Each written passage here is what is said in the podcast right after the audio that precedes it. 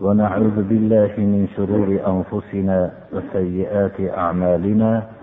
من يهده الله فلا مضل له ومن يضلل فلا هادي له.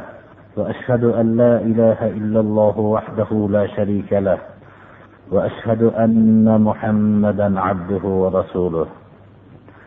أما بعد السلام عليكم ورحمة الله وبركاته. Alloh subhanahu va taolo bugungi kunni bugungi ramazon sharifning uchinchi o'n kunligi rasululloh sollallohu alayhi vasallam kunlarda nihoyatda ishtihod qilgan kunlari va ramazon sharifning oxirgi juma kunlari. Va rasululloh sollallohu alayhi vasallam laylatul qadrni uchinchi o'n kunlikdan talab qilinglar deb buyurgan kunlarda turibmiz. Alloh subhanahu va taolo ibodatlarimizni qabul qilsin. Gunohlarimizni alloh mag'firat qilsin. Alloh subhanahu va taolo o'tgan ajdodlarimizni gunohlarini mag'firat qilsin ibodatlarini qabul qilsin. Qabrlarni jannat bog'chalaridan bir bog'chaga aylantirsin farzandlarimizni solih solihalardan qilsin. Ba'zi kunlar insonga nasib bo'ladiki u hayotining eng ulug' kunlari hisoblanadi. Hozirgi kunlar ham bizni hayotimizda o'tayotgan kunlarning ulug' kunidir lekin bizga nisbatan ham ulug' bo'lyaptimi yo'qmi bu narsa ollohni o'ziga ma'lumdir. Biz bu kunlarning qadriga yetishligimiz bilan bizga nisbatan ham ulug' bo'ladi. Ammo biz buni qadrlamasligimiz bilan bizga nisbatan ulug' bo'lmay qoladi. Lekin ollohni huzurida bu kunlar baribir ulug' bo'lib qolaveradi. Alloh subhanahu va taologa hamdlar bo'lsinki shu kunni o'zimiz qadrlagancha miqdorda qadrlashlikka alloh tavfiq berganligiga allohga hamdlar bo'lsin. Bu kunni shu kunlarni olloh farz qilgan ramazoni sharifda ro'za tutishlikni farz qilgan kunlar deb bildirib qo'yganlik tavfiqiga allohga hamdlar bo'lsin. Shu kunlarni qo'ldan kelganligicha qiyom bilan o'tkazishlikka alloh tavfiq berganligiga allohga hamdlar bo'lsin. Alloh subhanahu va taolo shu kunlarni bilmaydigan bu kunda ramazonda ro'za tutishlik farz ekanligini bilmaydigan gumroh badbaxtlardan qilib qo'ymasin. Alloh subhana va taolo farzandlarimizni ham shu kunlarni bilmaydigan farz ekanligini bilmaydigan badbaxtlardan qilmasin. Alloh subhanahu va taolo nuqsonlarimizni kechirib ibodatlarimizni komil qilib qabul qilishligini alloh bizga nasib qilsin.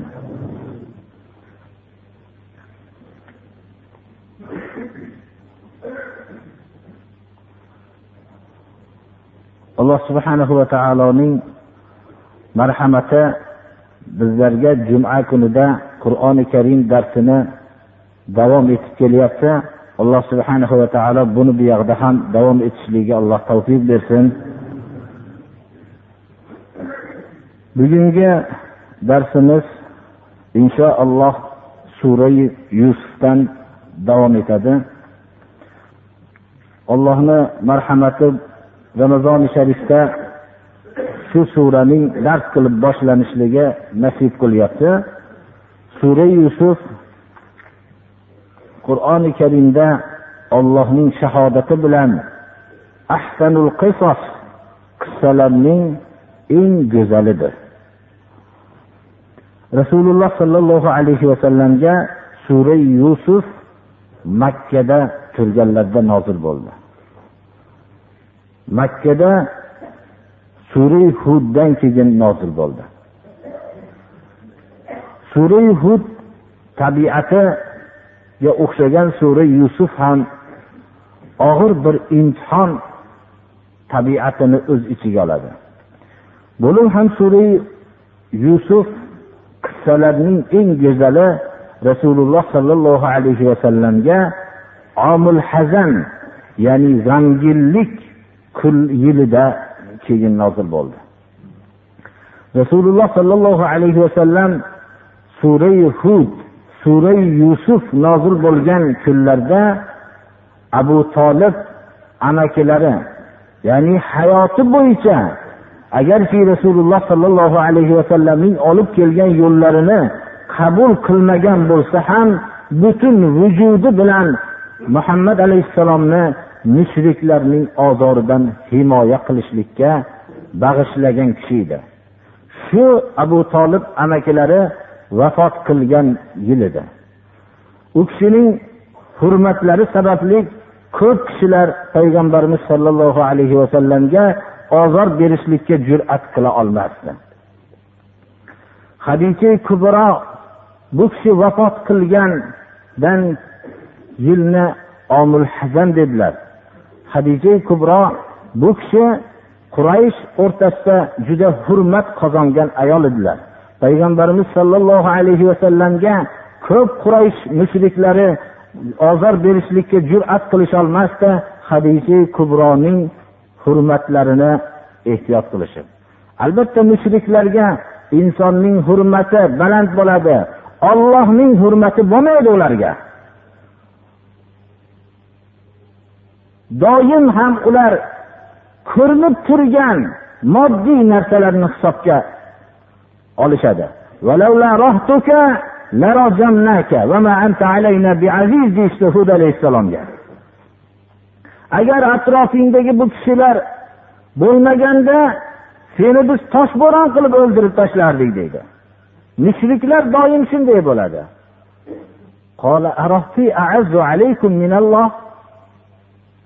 Ey xalqim nahotkichi atrofimdagi beshta oltita odam sizlarga hurmatligu olloh hurmati yo'qmi ollohni men aytayotgan so'zlar ollohni buyrug'i bo'lsa nahotki shu ollohni mutlaqo esinglardan chiqargan bo'lsanglar deb payg'ambarlar u atrofidagi kishilarga suyanmasdan ish qilishardi.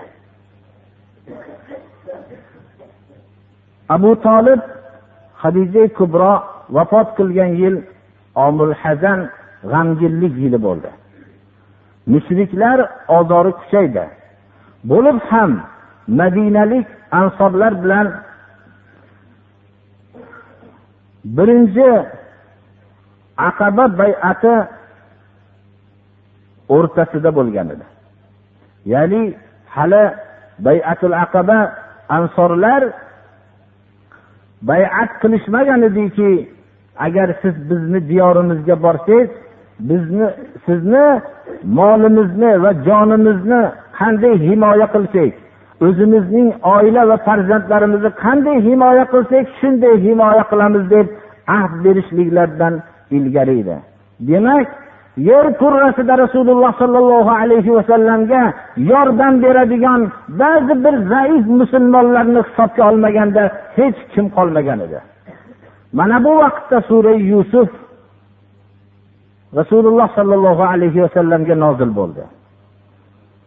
Sura yusufda zaif bir go'dak holatidagi yusuf alayhissalomning tamomiy quvvatli o'zining aka ukalari inson tarixida bermagan va qilmagan ishni qilishgan voqeani olloh bildirgan edi rasululloh sollallohu alayhi vasallamga buni vahiy qilib sura yuzda bayon qildi. Va shu surada ollohning buyrug'i doim g'olib ekanligini odamlarning ko'pi bilmasligini bayon qildi.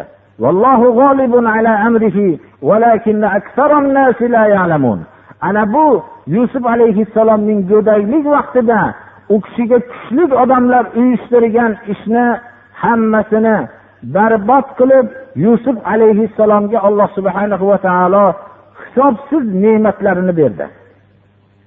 Bu mashaqqatlarni boshlaridan kechirdilar. Rasululloh sollallohu alayhi vasallam mana bu vahiy bilan qalblari birga yashardi. Va shuning uchun ham butun xalqlar tarafidan yetayotgan ozorni hech bir his qilmaydigan darajada yashardilar. Inshaalloh sura yusufni dars qilib o'rgansak olloh bizga ham bildirsa da'vat qilayotgan kishilar o'zlarining boshlariga musibatlar yetgan vaqtida o'zlariga sabr darsini olishsalar. Va undan keyin alloh subhana va taolo ularga o'zining marhamatini berib ularning g'olib qilib qo'ygan vaqtda ham buni imtihon deb qabul qilishlik darsini o'rganishsalar alloh subhana va taoloning yuborgan bizlarga bergan vahiysidan o'zlariga bir xulosa chiqarishsalar bu darsni haqiqiy o'rganishgan odamlar hisoblanishadi sura yusuf bir yuz o'n bir oyatni tashkil qiladi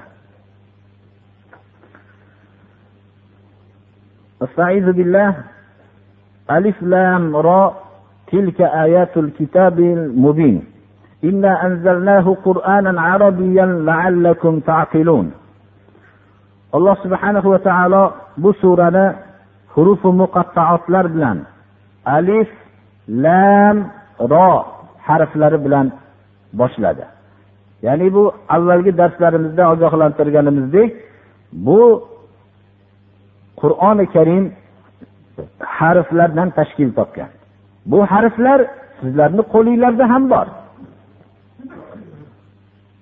Bu harflardan alloh subhanahu va taolo o'zining mo'jizasi bo'lgan qur'onni yaratdi. Sizlar bu harflardan o'zinglarga xos bir ba'zi bir hikoyayu boshqa narsalarni kitob qilib yozdinglar. Bu kitoblar biz yozgan kitoblar bilan qur'on o'rtasidagi farq nima farqi bor degan nodonlarning nodonligini misoli shunga o'xshaydiki alloh subhana va taolo loydan insonni yaratdi. Odamlar bu loydan haykallar yasashdi. Bu haykalda ham burun bor ko'z bor bunda ham soch bor bunda ham qo'l oyoq bor. Bu odam bilan nima farqi bor degan odamning so'zini eshitgan odam bu odam majnun bo'lib qolibdi aqldan ozibdi deb ketadi. Go'yoki xuddi uning nodonligi qanday bo'lsa bundan ham battarroqdir. Qur'on bilan odamlarning yozgan kitoblarning nima farqi bor degan odamning nodonligi bundan ortiq emas. Bundan ham battar nodondir. Alloh subhanahu va taolo alif lam ro mana bu harflarni bulardan o'zining mo'jizasi qur'oni karimni yaratdi. Tilka ayatul kitabil mubin. Bu hukmlari aniq bo'lgan hikmatlari aniq bo'lgan kitobning oyatlaridir. Mana bu oyatlar tashkil topdi. Bu harflardan tashkil topgan kitobning qur'onni alloh subhanahu va taolo arabiy qur'on bo'lishligini iroda qildi. Bu harflardan hamma tilnidagi narsani qilinishlik mumkin edi. Lekin olloh buni arabiy qur'on bo'lishligini xohladi. Biz bu kitobni arab arabiy tildagi qur'oni karim bo'lishligi bo'lgan holatda tushirdik. Aqlinglarni ishlatishliginglar uchun. Inson qur'oni karimniga aqlini ishlatar ekan ollohning mo'jizasini ko'radi. Nazmdagi mo'jizasini ko'radi ma'nolardagi mo'jizasini ko'radi va g'ayb xabarlarning berishligidagi mo'jizasini ko'radi. O'zining hal qiluvchi hukmlaridagi mo'jizalarni ko'radi.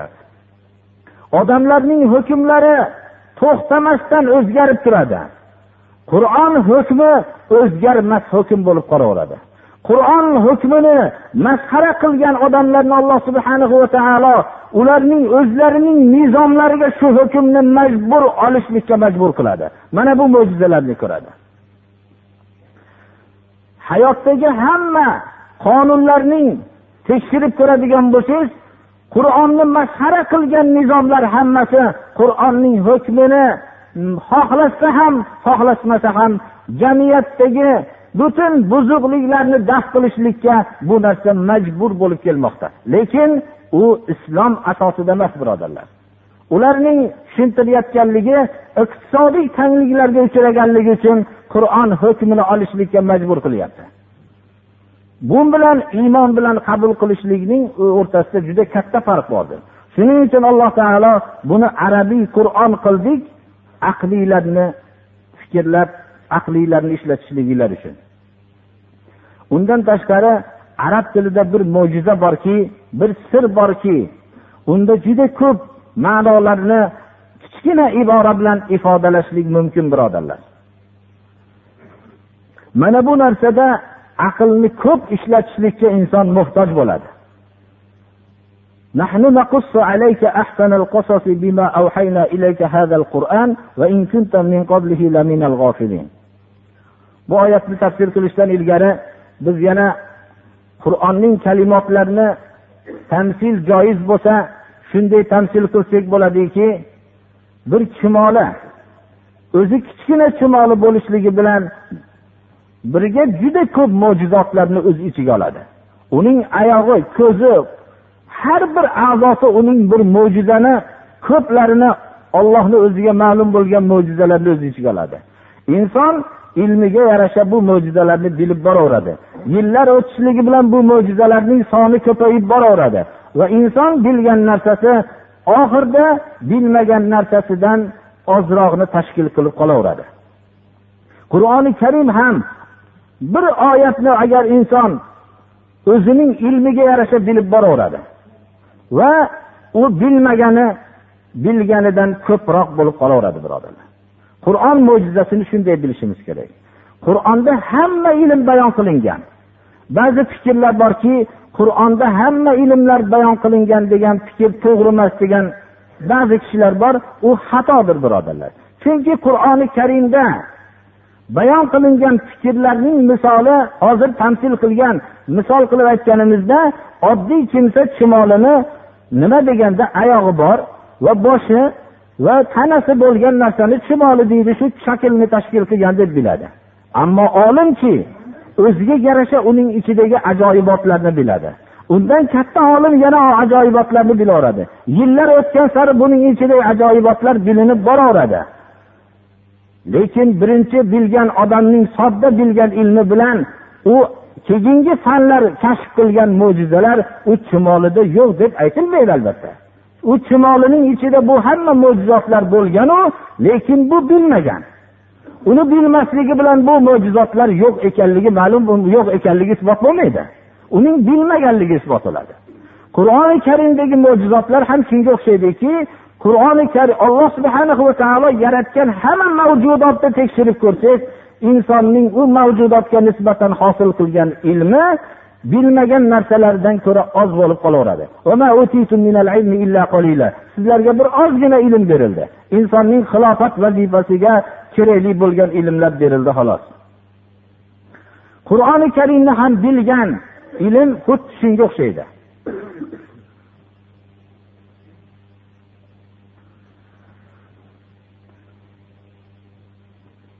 Alloh subhanahu va taolo minnat qilib biz sizga eng go'zal qissani qissa qilib beryapti. Sizga bu qur'onni vahiy qilishlik munosabati bilan bu qur'onni vahiy qilishlik vositasi bilan vahiy uslubida eng go'zal qissani sizga qissa qilib beryapmiz ya'ni alloh subhana va taolo biz qissa qilib beryapmiz deb minnat qilyapti.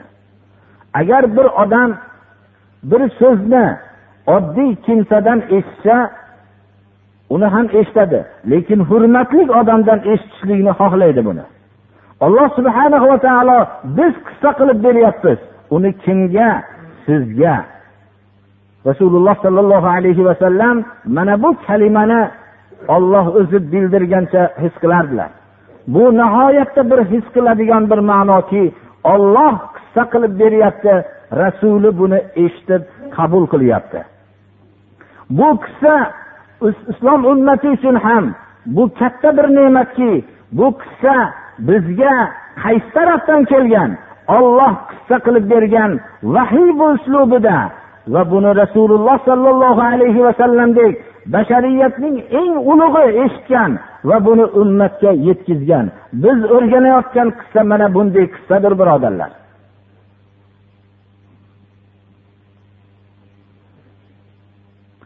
Hayotda odamlar har xil bir qissalarni eshitishdan ham quvonadi. Lekin uni umrida mustahab qilmagan odamlar ham uni hikoya qilib bergan. Alloh subhana va taoloning bu vahiysi birodarlar. Shuning uchun ollohning qur'oni karimda bayon qilgan qissalari biz uchun nihoyatda bir ibratlik bo'lmoqligi kerak.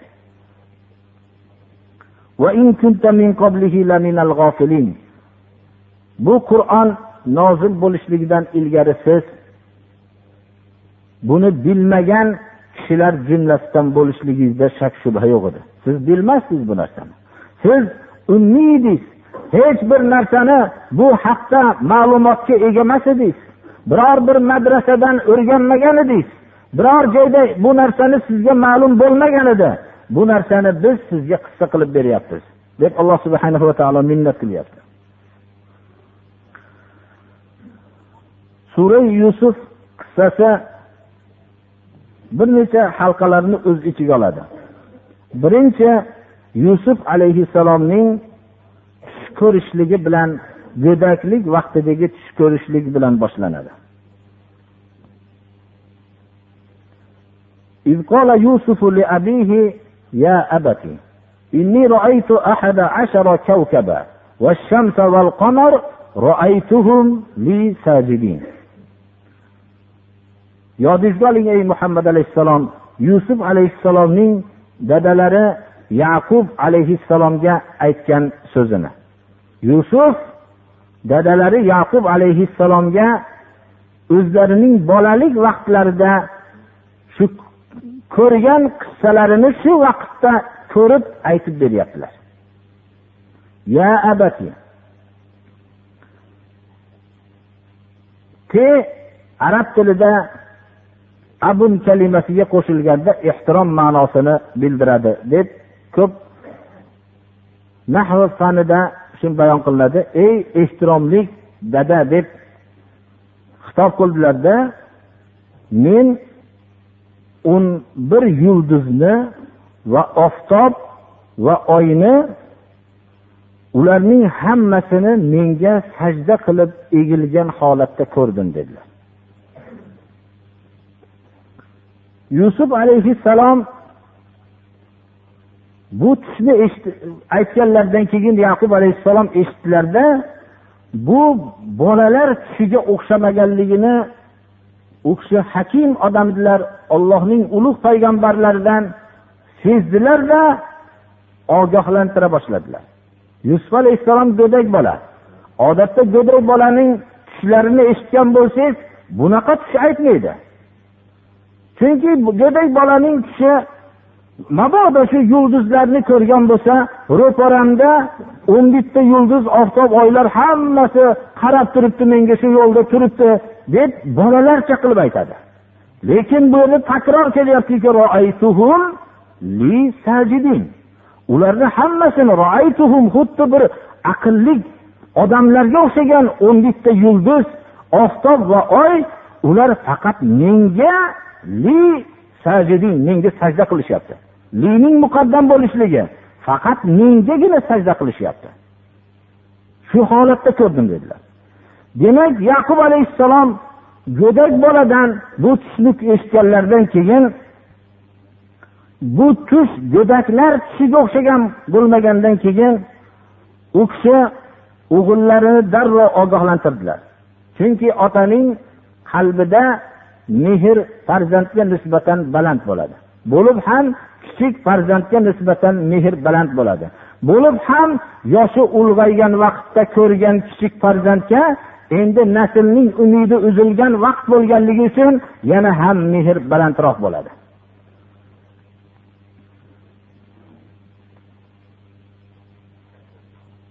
Ota ona xususan ota uyda bir oilada farzandlik oilalarda bir mamlakatni boshqarayotgan mamlakat rahbariga o'xshaydi o'rtadagi kelishmovchiliklarni nihoyatda bir bartaraf berishlikda iqtisodiy narsalarni taqsim qilishlikda hayotning oilada ota go'yoinki biror bir yigirma to'rt soat oilada bir qarab turib nazorat qilib turgan mamlakat rahbariga o'xshaydi.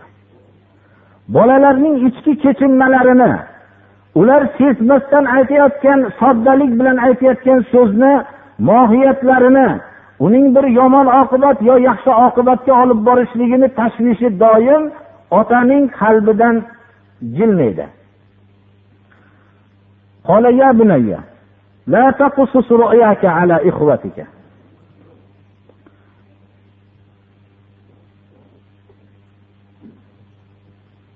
ya bunayya. Bunayya bu kichiklashtirilgan siyg'ada kelyapti. Hurmat ham kichik farzand bo'lganligi ham hurmat tomonidan ham erkalatib yaxshi suyish tomonidan. Ey o'g'ilcham dedilar yaqub alayhissalom tushingni aka ukalaringga aytmagin. Akalaringga aytmagin. Senga bir tadbir makr qilib qo'yishlari mumkin. Kimga? Aka ukalar akalaringga. Inson shu darajada makkor bo'lib ketishi mumkinki xonadonining qanday ulug' bo'lishligidan qat'iy nazar payg'ambar xonadonida payg'ambar farzandlari bo'lishligi bilan birga baribir inson bo'lib qolaveradi. Hasad bir daqiqa agar g'aflatda bo'lsangiz hasad sizlarga g'olib bo'ladida darrov makr yo'liga o'ta boshlaydi. Hayotning agar yigirma to'rt soat makr bilan o'tadi olloh saqlaganlar mustasno desangiz xato bo'lmaydi.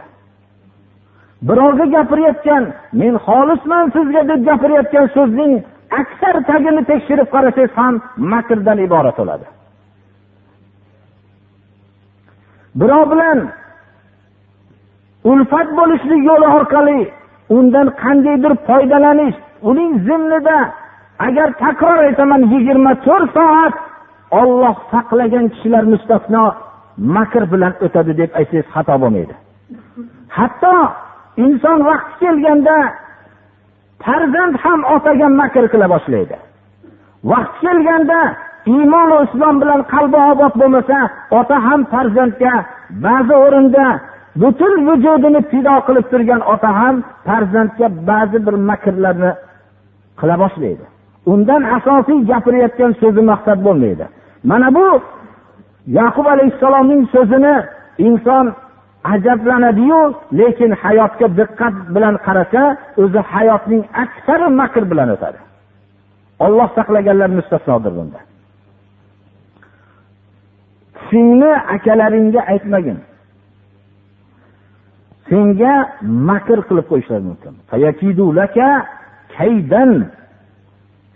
Juda katta makr qilib qo'yishlari mumkin.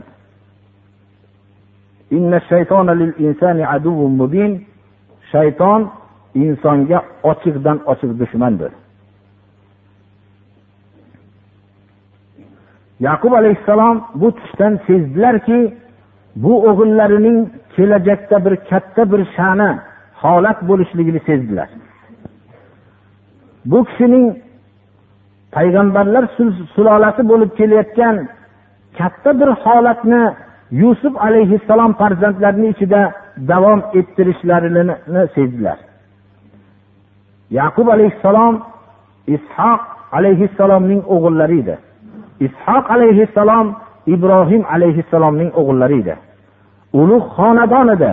Mana bu xonadonning sulolasi yusuf alayhissalomda bo'lishlarini yaqub alayhissalom sezdilarda bu tushdan. Shuning uchun bolani ogohlantirdilar. Bolani ogohlantirish u ko'rgan tushining bu kishi nihoyatda hakim edilar mohiyatini aytib ogohlantirmadilar. Osoni bolani ogohlantirishlik shu so'zni aytma deydi buni bunday uslubda ayt desa bola u uslubda aytmaydi to'g'risini aytadi. Bola shuning uchun ham bolani bir narsadan ogohlantirishlik mana bu narsani mutlaqo aytmagin degan bilan bo'ladi. Va shu bilan birga hasadning oldini olishlik o'zining eng yaqin odamlarga aytmaslikka ya'ni akalariga aytmaslikka buyurdilar.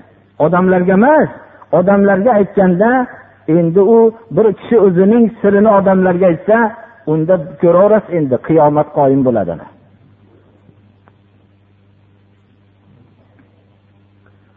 وكذلك يجتبيك ربك ويعلمك من تأويل الأحاديث sizni robbingiz ana shunday kelajakda katta bir holat bilan sizni tanlaydi va sizga so'zlarning maolini kelajagini bildiradi. Ahadis bu ba'zi rivoyatlarda tavilul ahadis tavil bir narsaning kelajagi. Bir narsaning tavilini so'rash ya'ni shuni kelajagi haqida shu so'zning maoli nimaga borayotganligini bildirish. Yoyinki alloh subhana va taolo yusuf alayhissalomga bir kishi tarafidan bir so'z aytilsa u so'zning kelajagi haqida bildirishlik bilishlik ilmini alloh taolo o'rgatishligiga ishora bo'lyapti.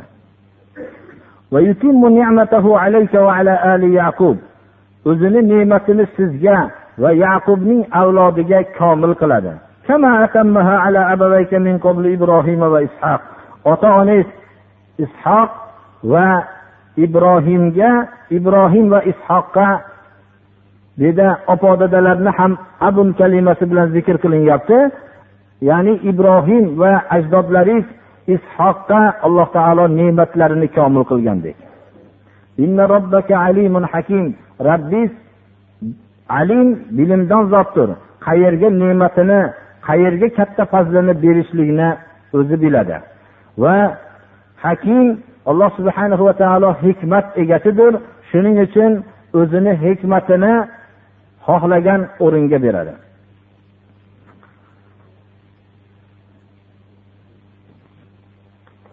لقد كان في يوسف وإخوته آيات للسائلين alloh subhanahu va taolo yusuf alayhissalomning qissasini hayotini birdaniga bayon qilib beryapti va yusuf va uning akalarida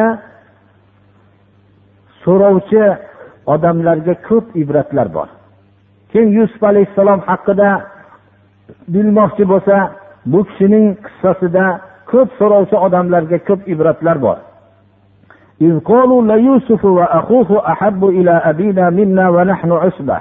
Hasadning boshlanishligi hayotda odatda qur'oni karim bayon qilgan mana bu yusuf alayhissalom va akalari o'rtasidagi bayon qilgan voqeaga o'xshagan bo'lib boshlanadi. Akalar hammalari aytishdiki yusuf va uning ukasi dadamizga bizdan ko'ra suyumliroq. Biz bo'lsa quvvatli bir jamoa bo'lsak. Hamma ishni biz qilsak hamma moli davlatlarni yordamlarini biz qilsak qiyin ishlariga biz yordam bersak bular oldida go'dak bolalar o'tirsa yana bizdan ko'ra bular suyumli bo'lsa.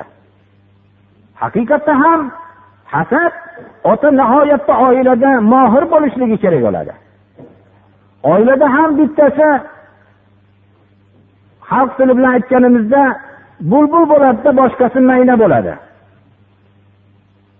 Mana bu mohirining qo'liga mohirni qo'lida moli davlat bilan ota onaga yordam beruvchi va boshqa bir kuch bilan yordam beruvchi imkoniyatlar bo'ladi.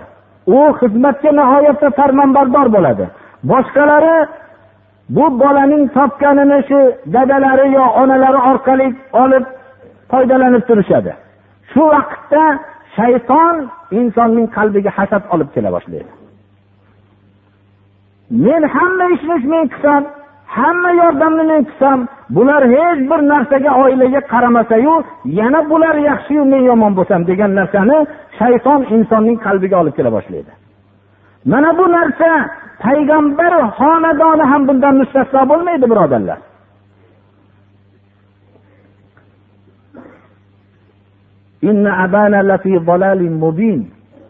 Dadalari kim? Yaqub alayhissalom. Ollohning ulug' payg'ambari. Ishoq alayhissalomning o'g'illari ibrohim alayhissalomning nabiralari. U biz ta'lim berganligimiz uchun deydi alloh taolo nihoyatda ilm egasi deb yaqub alayhissalomni maqtagan. Mana bunday zotni farzandlar hamma xizmatni biz qilsak hamma quvvat bizda bo'lsa yordamlar bizdan bo'lsayu yusuf bilan ukasi dadamizga suyumli bo'lsa dadamiz ochiqdan ochiq adashdi dadamiz deydi.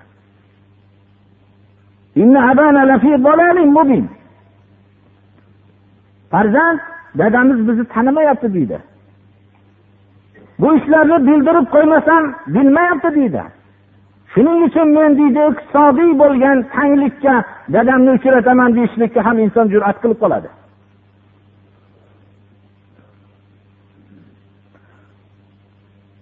Yoshlik vaqtida farzand kulgili holatlarda bo'lishligini bilmaydi. Lekin bola bo'lganligi uchun alloh subhana va taolo ota onaga mehr berganligi uchun bolaning bu qiliqlarini yomon ko'rmaydi ota ona har kunda besh olti ho'l qilib qo'yadi. Agar bu ishni bironta bir yoshi katta odam qiladigan bo'lsa shu vaqtda u jazoga duchor bo'ladi. Har qanday aziz narsalarini parokanda qiladi. Lekin ota ona bunga qarab kulib yana bolasiga zarar bo'lmadimikin deb ehtiyot bo'la boshlaydi. Uni ho'l qilib qo'yib turgan holat unga ko'p zarar yetkazadi deb tezda tozalashga harakat qiladi.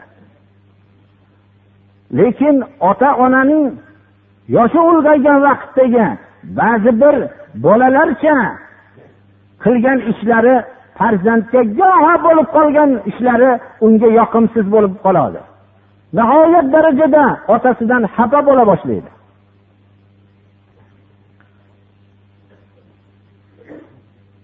Insonni hasad shu darajaga chiqarishlik mumkinki inson shayton fikriga o'ta boshlagan vaqtda birdaniga inson o'zgarib qoladi. Hatto inson o'zgarishligini o'zi bir tilidan chiqqan so'zlarni bir keyin muvozanatga tushganda tekshirsa nihoyatda bir xatarli so'zlar aytayotganligini biladi. Yusufa deyishdi. O'tirib hasad bilan maslahat qilganda yusufni qatl qilinglar dedi.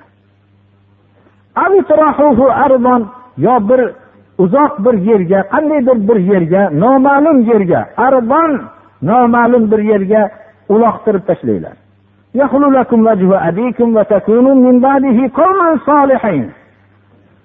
Shunda sizlarni dadanglarni yuzi sizlarga alohida ajraladi. Qutulasizlar yusufdan hadeb yusufga qaramaydi sizlarga qaraydi.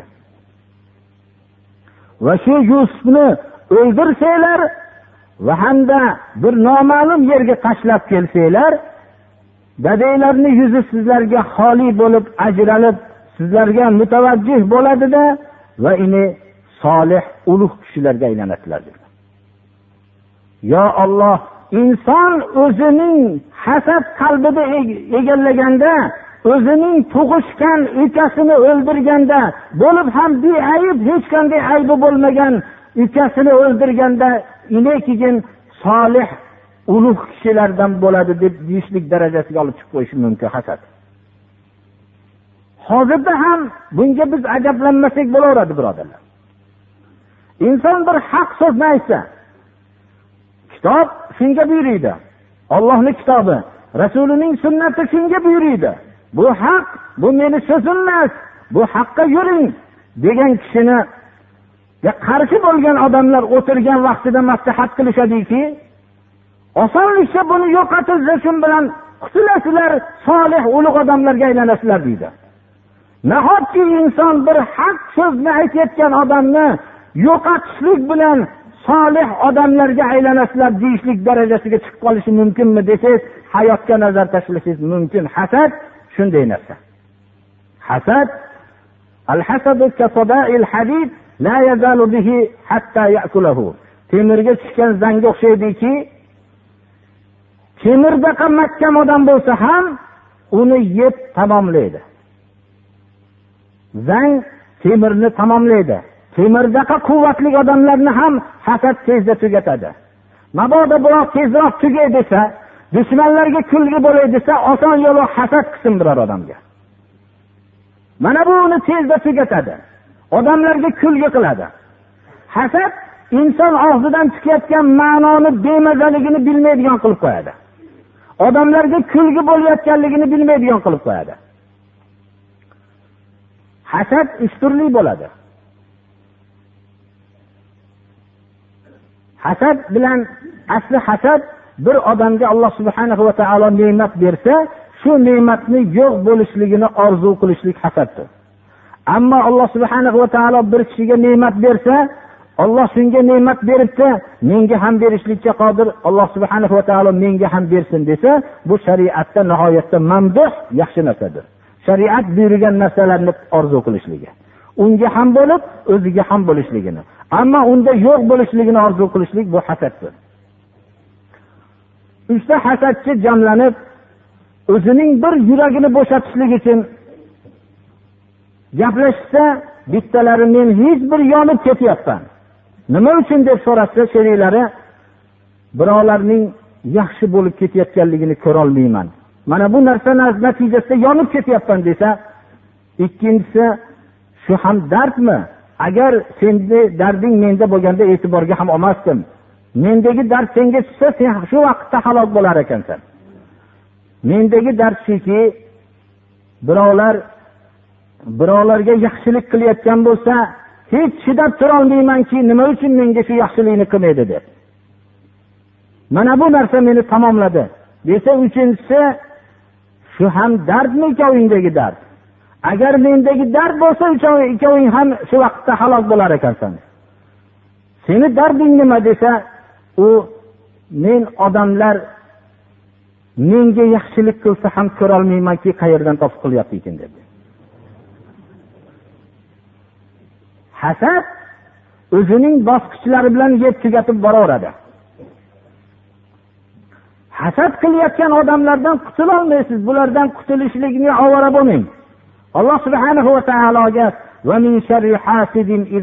deb duo qiling. Hasad qiluvchining hasad qilgan vaqtidagi hasadidan panoh bergin deb duo qiling. Mana bu yo'li. Ularni o'nglab bo'lmaydi u zangu u. Temir bo'lsa ham yeb tugatadi ularni.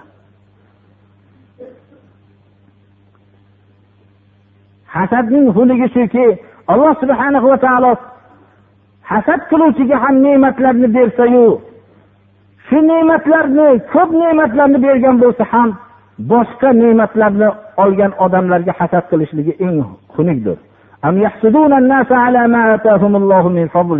Qur'oni karimda alloh taolo mana bu oyatda olloh o'zi fazlini bersa ham berishligi bilan birga hasad qilishadimi odamlarga. Olloh berdiyu unga u fazlidan bergandan keyin odamlarga yana hasad qilishadimi?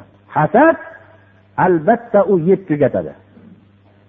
Hozirgi odamlarning butun dardlarga giriftor bo'lishlari butun masalan tuzalmas kasalliklarga son sanoqsiz atini uni mohir odamlar ham sanab aytib berolmaydigan mutaxassis bo'lgan tabiblar ham sanab ulgurmayotgan kasallarga giriftor bo'lishligi mana bu hasadning jamiyatda paydo bo'lganligi. Buning davosiga nomi qiyindan qiyin bo'lgan dorilarni ichishlik foyda bermaydi birodarlar. U bemorxonalarning ko'payishligi foyda bermaydi. Unga islomiy axloq dorisini berishlik bilan o'nglanadi. Unga qur'on ta'limini berishlik bilan qur'onni hayotga tadbiq qilishlik bilan hadis shariflarni hayotga tadbiq qilishlik bilan inson o'zining mana bu tuzalmas kasalliklardan qutuladi. Borib borib hamma nomning hammasi kasallikka qo'yilib ketib qolishligini xavfi bor birodarlar. O'lgan vaqtda vafot topgan bo'lsa unga ism qo'yiladimi yo'qmi? Janozachi degan deyilgan. Ya'ni bir pora bir go'sht tug'ilsa ba'zi a'zolari ko'rinib turgan bo'lsa buni ham bola hukmiga hukm qilinadi deyilgan. Ba'zi kishilar bo'lsa tug'ilganda vafot topgani o'lik holatda tug'ilsa nom qo'yishlikni hojati yo'q deyishadilar. Lekin ehtiyot shuki nom qo'yilib albatta janozasi o'qilinadi. Ba'zi bir a'zosi ko'ringanda shunday bo'lgandan keyin albatta bunga bir janoza o'qilinishligi kerak. Qo'l barmoqlari bilan tasbih sanashchi deyaptilar. Ba'zi kitoblarda mana ko'p kitoblarda ba'zida emas qo'l bilan tasbihni ya'ni qo'l bilan tasbihlarni sanab turishlik makruh deyilgan buni ko'p kishi tushunmaydi. Ya'ni namozdan keyingi tasbihni qo'l bilan sanashlik makruh deb tushunishadi. Yo'q qo'l bilan sanashlik o'zi sunnat. U tasbihdan murod namozdagi aytilayotgan sajda va rukuda aytilayotgan tasbihlarni qo'li bilan sanab turishlik makruhdir. Tushunarlimi? Namozdagi tasbehlarni qo'l bilan sanab turishlik makruhdir. Namozdan keyingini u tasbeh ishlatgandan u sahobalar ishlatishgan emaslar qo'llarini ishlatishganlar o'ttiz uchta tasbehni albatta sanamasa bo'lmaydi birodarlar. Savollar berilibdi bu narsalar dunyoni hamma burchagida bor. Ominni maxfiy aytasan deydigan bunaqa deydigan mana shunaqa taqiqlashdi nima qilaylik mana shunaqa degan savollar. Sabr qilinglar birodarlar. Ominni jahriy ayting deb biz birovni majbur qilib aytganimiz yo'q birodarlar. Lekin rasululloh sollallohu alayhi vasallam aytgan urushsa rasululloh sollallohu alayhi vasallam bilan urushsin. Biz bilan urushmasin ular. Sunnatlar bu hadislarni bizga rivoyat qilib bergan odamlar bilan urushsin. Imom buxoriy bilan urushsin imom muslimlar bilan urushsin. Biz bu hadislarda bayon qilingan narsa ilm amonat birodarlar. Buni bayon qilishmasak ertaga alloh taolo bir o'tdan juganni og'ziga soladi. Shuning uchun u urushadigan kishilar boshqa. Muhammad alayhissalom bilan urushsin ular. Mana imom buxoriy butun hadislarni rivoyat qilgan zotlar bilan urushsin butun islomning katta peshvolariga qarshi bo'lishyapti. Bundan kelib chiqmaydiki biz bitta hadis bo'ladigan bo'lsa bunga qarshi chiqishlikka haqqimiz yo'q birodarlar. Shu hadisni sahih ekanligi bo'lgandan keyin biz qarshi chiqishlikka ollohdan qo'rqmoqligimiz kerak. Bu degan so'z har bir odamni omini jahriy ayting degan buyruq emas. Bu haqda hamma fikrlar bor. Xohlagan xohlagan fikrni olishlikka insonni alloh taolo zo'r qilib yaratdi. Uni fikr erkinligini berdi o'z holiga qo'ymoqligimiz kerak uni.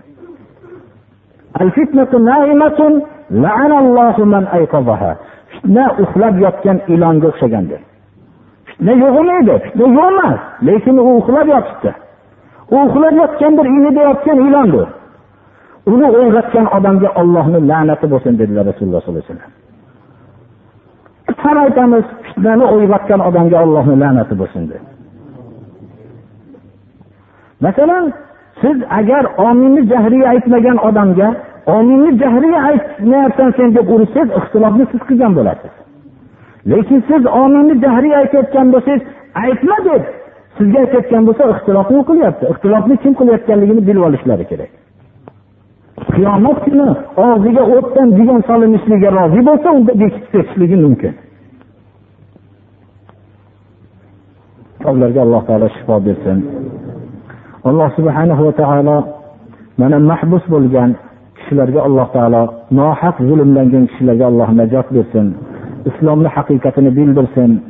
Alloh subhanahu va taolo birinchi marta kelganlar juda ko'p xat yozishibdi.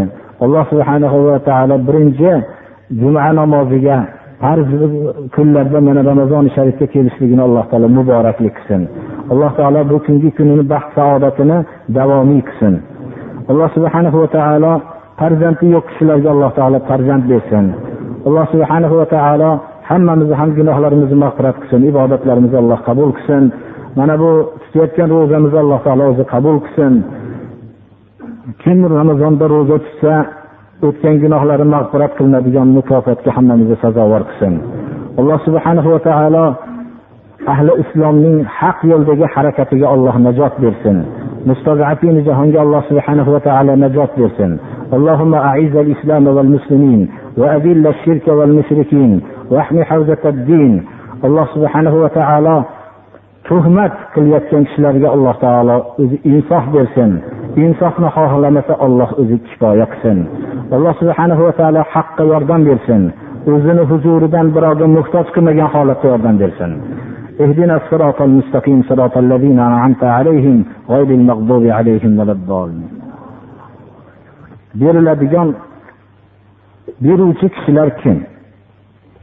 fitr ro'za ramazoni sharif oyi tamom bo'lgandan keyin ertalabki va odatda o'qiladigan idi ramazon namozidan ilgari fitr ro'zani berishlik shart.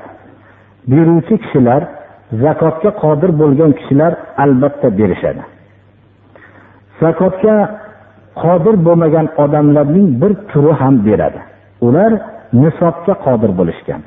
Misol qilib aytganimizda o'zining hunarining mavsumi yoyinki dehqonchiligining mavsumida nisobga qodir bo'lsa ya'ni nisob miqdorida hunaridan foydalansa va dehqonchiligini sotsa yoinki tijoratini bilan sotsa shu nisobga ega bo'ldi. Ya'ni nisob takror aytamiz tilla hisobi bilan olganimizda vallohu alam mana sakson to'rt bu g'rom tillo miqdoridagi molga ega bo'lgan kishi. Sotaman degan narsalari hisob qilinadi. Va hamda pullari albatta hisob qilinadi. Shu sotaman degan narsalari bilan pullari qo'shilgan holatda hisob qilinadi. Shuning uchun sotaman degan do'konlari bu narsalar ham hozirgi vaqtda bu hozirgi zamonning masalasi bo'lib qoldi. Do'konlariki tijoriy ishlar bilan shug'ullanib turgan do'konlarni ham mollarini nihoyatda daqiq hisob qiladi va hisob qilishlik bilan nisobga yetishligi bilan zakot beradi va shu nisobga qodir bo'ldiyu bir yil aylansa shu miqdor ya'ni yilning o'tgan shu kunida nisobga qodir edi va shu nisobga yana yilgi kunni shu kunida qodir bo'lsa bir yil aylanda hisoblanadi. O'rtadagi kamayish ko'payishlikning e'tibori yo'q. Bu odam zakot beradi. Endi shu nisobga o'zining mavsumida dehqonchilik mavsumida hunarmandchilik mavsumida tijorat mavsumlarida shu nisob bir marta qo'liga tushib keyin chiqib ketadigan odam bo'lsa ham unda fitr ro'za beradi zakot bermaydi. Fitr ro'zani namoz id namozidan ilgari berishlik shartdir birodarlar.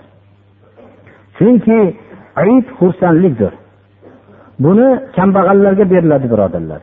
Mahallalarda fitr ro'zani yig'ib yurishlik hammadan shariatga xilof ishdir birodarlar. Shariatga xilofligi shuki kambag'allar fitr bermaydi balki ular yeydi fitrni.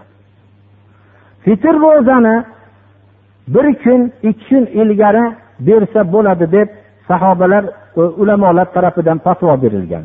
Lekin undan ilgari berilmaydi birodarlar.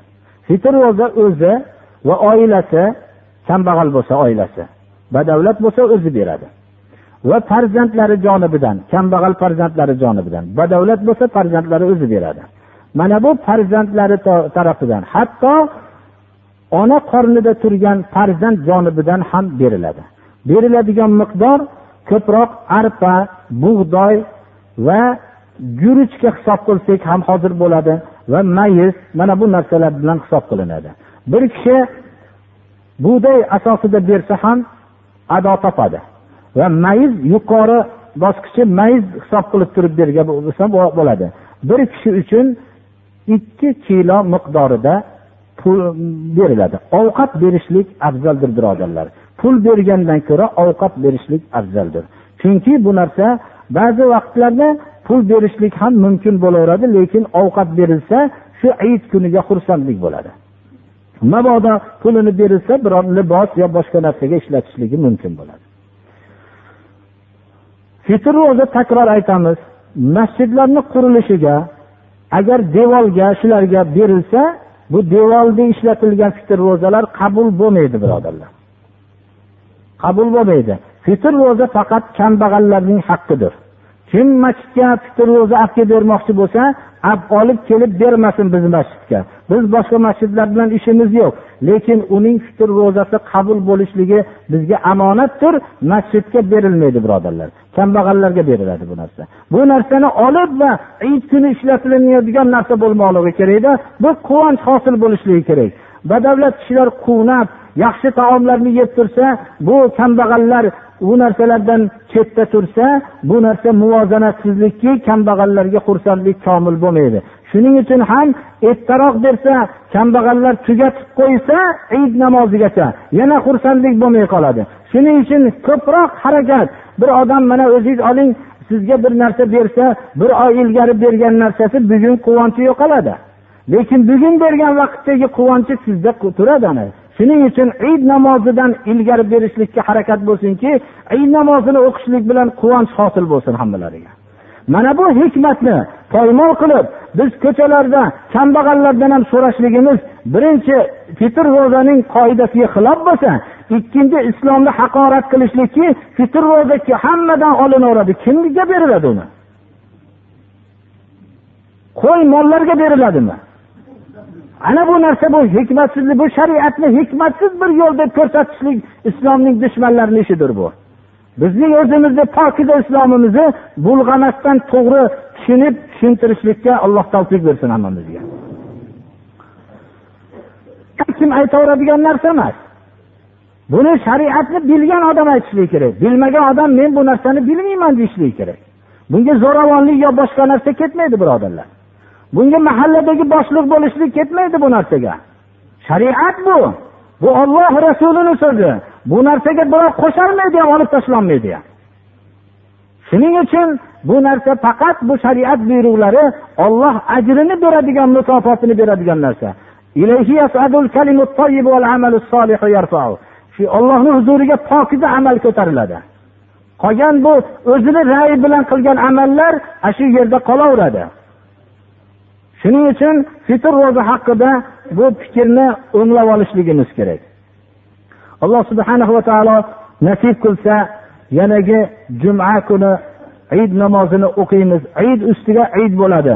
Alloh nasib qilsa shuning uchun hammamiz bu kunlarni g'animat biladigan kunlar keldi birodarlar. Bu kunlarni g'animat bilishlik nima bilan bo'ladi? Ibodatlarga ishtihod qilishlik bilan.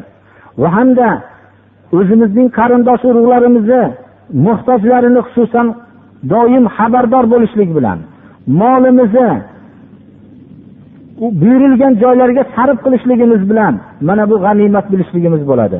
Rasululloh sollallohu alayhi vasallam ramazoni sharifda jibril alayhissalom bilan uchrashganlarida bo'rondan ham tez bo'lib ketar ekanlar yaxshilik amallariga. Payg'ambarimiz sollallohu alayhi vasallam ishtihod qilgan kunlar bu kunlarda o'zlarining oilalarini bedor qilib o'yg'otganlar biror marta boshqa bir soatda bu o'yg'otib majbur qilmaganlar. Bu kunlarda bedor qilgan bo'lishlikka targ'ib qilganlar. Va shunda rasululloh sollallohu alayhi vasallam ramazon oyida o'zlari e'tikob o'tirganlar. Vafot qilib ketgan yillarida yigirma kun e'tikob o'tirganlar. Insonning qalbi shaytonning vasvasasidan tozalanayotgan vaqtni g'animat bilmoqligi kerakki allohga qurbat hosil qilishlikka harakat qilmoqligi kerak. Alloh subhanahu va taolo hammalarini ham tavfiq abadiy alloh taolo ato qilsin. Mana bu joyda bir ikki kishilar duo qiling debdilar alloh taolo o'zlarini shar'iy maqsadlarini ro'yobga chiqarsin. Alloh subhanahu va taolo hammamizga ham mana shu kunlarni g'animat bilishlikka alloh tavfiq bersin اهدنا الصراط المستقيم صراط الذين أنعمت عليهم غير المغضوب عليهم ولا الضالين mabodo uyda bir gilomi yo moli bo'lsa shuni sotaman deganini buni yozmabdi bu yerda ya'ni o'zi berolmaydi deyapti lekin uyda biror gilom yoki moli bor bo'lsa bu molidan foydalanib yeb turgan bo'lsa gilomida o'tirgan bo'lsa bunda bir narsa bermaydi birodarlar. Yo'q sotaman degan gilomlari bo'lsa nisobga yetadigan bo'lsa beradi. Biz hozir tushuntirdik. Alloh subhanahu va taolodan taqvo qilishlikka o'zimni va sizlarni nasihat qilaman. Alloh subhanahu va taolodan taqvo qilish ollohni huzurida mukarram bo'lishlikka sababdir.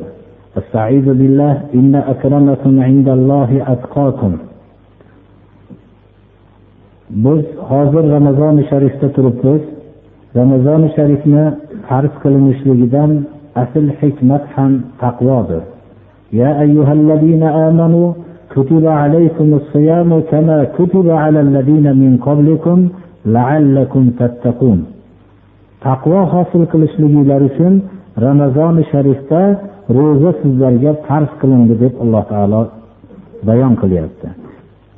Payg'ambarimiz sollallohu alayhi vasallam shu mazmunda so'z aytdilarki kim ro'za tutsa fahsh so'zlarni gapirmasin hayosiz so'zlarni gapirmasin shovqin so'ron qilmasin birov agar so'kadigan bo'lsa yo qattiq bir jang qilmoqchi bo'lsa men ertalab ro'za tutib o'zimni bunday yomon narsalardan tiyishlikka ahd deb unga ogohlantirsin. Ya'ni o'zini tiyishlikka ertaman ogohlantirgan odam bu kunduzda tiyilmoqligi kerak. Go'yoki ertaman quloq qoqib namozga kirgandek ro'zaning o'ziga xos odoblari bor namozning odoblari bo'lganga o'xshagan. Namozga quloq qoqqanimizdan keyin namoz odatlarini rioya qilishlikka majbur bo'lamiz. Agarki tilimiz bo'lsa ham namozda gapirish mumkin emas deb biroz gap gapirsa javob bermaymiz. Ro'zani ham o'ziga xos odoblari bor. Shu odoblarni rioya qilmasak biz ro'za tutgan komil kishilardan bo'lolmay qolamiz. Shuning uchun rasululloh sollallohu alayhi vasallam mana bu joyda bir chuqur bir hikmatni bayon qildilarki kim ramazonda ro'za tutsa bu fisq so'zlarni gapirmasin va shovqin suron qilmasin. Agar biroz so'kishsa men o'zimni tiyishga niyat qilganman deb aytsin. Agarki ovqatdan faqat o'zini yemoq ichmoq shahvatdan tiygan bo'lsa alloh subhanahu va taoloning uni qornini och qilib yurishligiga hojati yo'q. Uni pokizalab taqvolik qilmoqchi. Shuning uchun farz qildi ro'zani. ana shu hikmatni bilib shunga amal qilishlikka alloh taolo hammamizga tavfiq bersin biz uchinchi o'n kunlikda turibmiz rasululloh sollallohu alayhi vasallam من صام رمضان إيمانا واحتسابا غفر له ما تقدم من ذنبه deganlar ramazonda kim ro'za tutsa iymon bilan va ajrni ollohdan umid qilib tutgan bo'lsa o'tgan gunohlari mag'firat qilinadi dedilar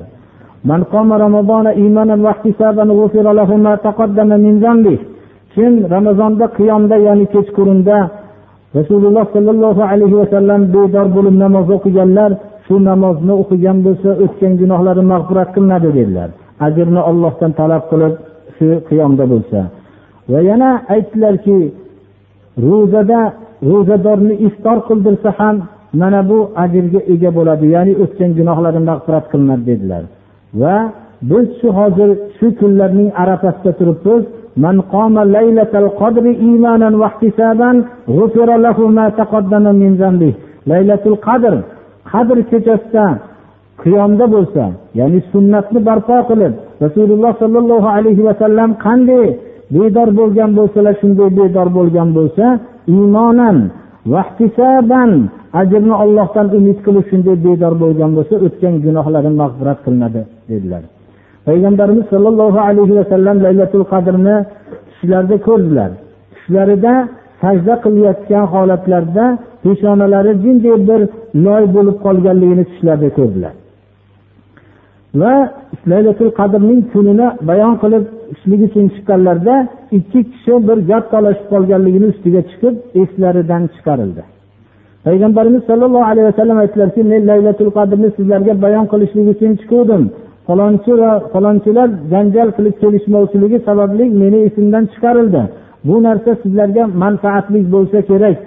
Uchinchi o'n kunlikdan talab qilinglar dedilar. Shunda sajda qilganimda peshonam ozgina loy bo'lib qoldi dedilar. Shunda yigirma yettinchi kuni havo ochiq edi birdaniga rasululloh sollallohu alayhi vasallam namoz o'qiyotgan vaqtlarida yomg'ir qattiq yomg'ir bo'ldida u masjidning tepasi xurmo barglari bilan yopilganida ola ko'lanka bo'lib turardi yomg'ir o'tdida rasululloh sollallohu alayhi vasallamning masjidlarida palos yo'q edi. U yerdagi tosh edi mayda tosh solingan edi. Shunda sajda qilganlarda burilganlarda peshonalari ozgina loy bo'lib qoldi. Mana bu narsa bilan yigirma yettinchi kuni ekanligi ko'proq ulamolarning ittifoqi bilan shu kun. Bu kun inshaalloh kelayotgan yakshanba kuni bo'lsa kerak vallohu alam. Bu laylatul qadrni alloh subhana va taolo o'zini kalomida yo'q qildi. Laylatul qadr min alfi shahr. Laylatul qadr ming oydan yaxshi dedi. Va surai qadrda uchta laylatul qadr kalimasi keladi. Har biri to'qqiztadan harf bo'ladi. Uchovi yigirma yettita bo'ladi. Bu ham qur'onning nazmining mo'jizalaridan yigirma yettita harf yigirma yettinchi kunga dalolat qiladi deyishadi ba'zi mufassirlar.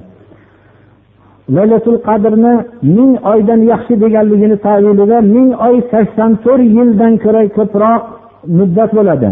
Sakson to'rt yillik ibodatdan shu kecha qadrliroqdir. Olloh buni aytyapti yaxshiroq deb. Endi ba'zi rivoyatlarda ming kalimasi undan ham ko'proqqa iste'mol qilingan. odatdagi mingni ko'p sonlarga iste'mol qilinganga o'xshagan alloh subhana va taoloning xazinasi keng mana bu kunni hammamiz olloh qadrli debsa biz ham qadriga yetaylik اللهم تقبل منا هذه الصلاة واعف عنا مع جميع نقصاناتها بفضلك وكرمك يا أكرم الأكرمين ويا أرحم الراحمين اللهم استرنا بسترك الجميل في الدنيا والآخرة اللهم احفظنا يا فياض من جميع البلايا والأمراض اللهم اقسم لنا من خشيتك ما تحول به بيننا وبين معاصيك ومن طاعتك ما تبلغنا به جنتك ومن اليقين ما تهون به مصائب الدنيا ومتعنا بأسماعنا وأبصارنا وقواتنا ما أحييتنا واجعله الوارث منا واجعل فأرنا على من ظلمنا ولا تجعل مصيبتنا في ديننا. ولا تجعل الدنيا أكبر همنا ولا مبلغ علمنا ولا تسلط علينا من لا يرحمنا ولا تسلط علينا من لا يرحمنا ولا تسلط علينا من لا يرحمنا. اللهم إنا نعوذ بك من الكفر والفقر والجبن والكسل ومن فتنة المحيا ومن فتنة الممات ومن فتنة المسيح الدجال ومن فتنة عذاب القبر والنرد إلى أرذل العمر. وصلى الله تعالى على خير خلقه محمد وآله وأصحابه أجمعين.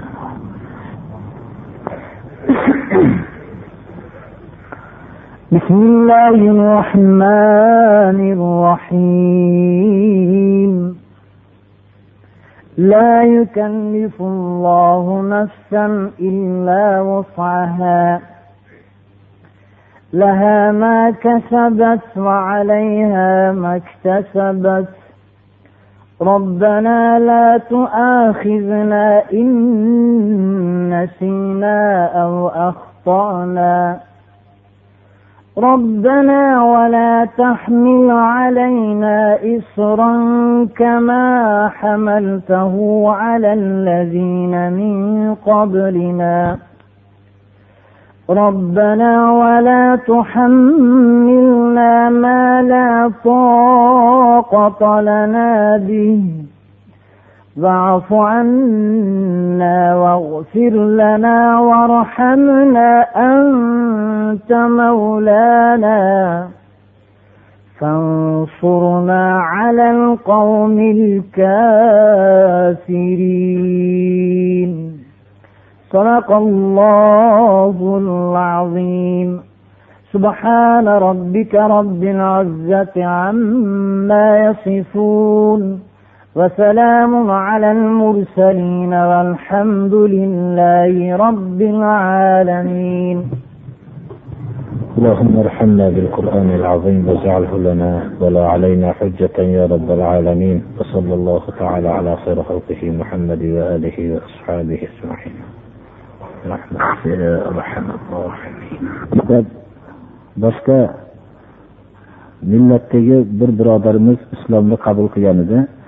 Undan ko'p birodarlarga bir tushuncha hosil bo'libdiki bu islom millatda ajratmas ekanda islomni qabul qilgandan keyin shu kundan boshlab shu ahli islom safidan bo'lib hurmatga ega bo'lar ekanda biz bunaqa islomni tushunmagan edik deb mana bu yosh ukalarimizdan bittalari mana buguni ham shu islomni qabul qildilar.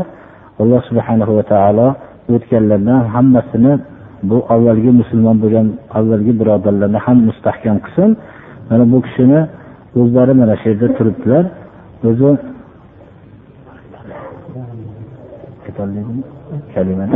o'zi bu qabul qilganiga bu hozir emas bir ikki uch to'rt kun narida bo'lgan ekan.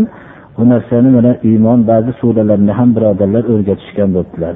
Bir shu yerda o'zi iymon aytib bersa deb nima qilyapti? Mana yonimizda turibdi. La ilaha illalloh Muhammadur Rasululloh. Allohu